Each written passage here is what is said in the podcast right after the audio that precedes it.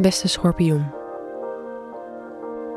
Maart stond voor jou in het teken van anderen helpen en letten op je eigen gezondheid.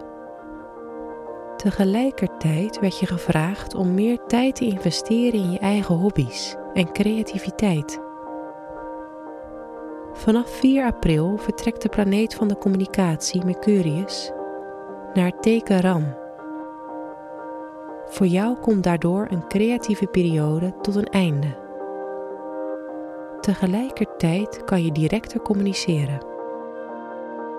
Op 12 april vindt er ook een nieuwe maan plaats in Ram, in jouw zesde huis. Deze nieuwe maan roept vragen op rond je fysiek en mentale gezondheid. Hoe is het daarmee gesteld? Hoe kan je nog meer voor jezelf zorgen? Het zesde huis kan gaan over prioriteiten stellen.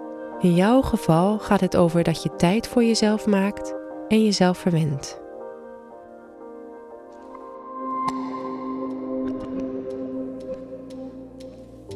Van 15 tot 19 maart maakt Mars in tweelingen een prettig verband met Jupiter, de planeet van expansie en verbreding. Dit gaat bij jou over de relatie tussen je thuissituatie en je persoonlijke transformatie. Mocht je twijfelen over een grote verhuizing, dan kan je rond deze tijd zekerheid in jezelf vinden. Ook als er moeilijkheden spelen binnen je familie, dan weet je nu je grenzen te trekken. Denk daarom goed na over hoe jij je persoonlijke groei kunt gebruiken ten opzichte van je familie.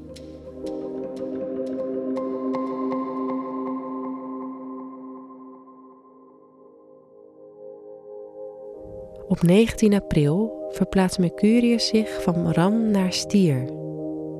Een teken dat minder direct is en eerder de kat uit de boom kijkt en beter bij jouw levenswijze past. Toch kan het een spanning opleveren. In de periode dat Mercurius zich in Stier bevindt, kan je meer provoceren of verkeerd uit de hoek komen. De zon verplaatst zich op de 19e ook naar stier. Dit zorgt ervoor dat je de komende tijd meer gefocust zal zijn op je geliefde en naaste omgeving.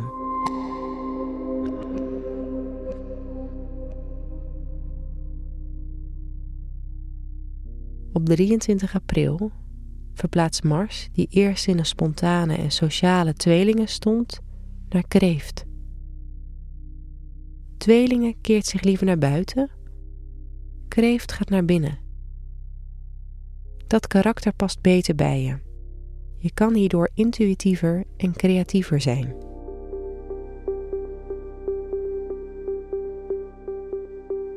Op 27 april eindigt de astrologische maand met een volle maan in Schorpioen. Op de 19e begint het stierseizoen het tegengestelde teken. En dat kan voor jou wat onwennig voelen. Stier is sterk gericht op zekerheden en stabiliteit, terwijl schorpioen juist op onderzoek uitgaat en allerlei dieptes wil verkennen. Tijdens die volle maan kan je dus wat meer in contact komen met je analytische aard. In jouw geval gaat het over jezelf en hoe je je tot anderen verhoudt. Denk je genoeg aan jezelf of houd je vooral rekening met anderen? Fijne maand, schorpioen.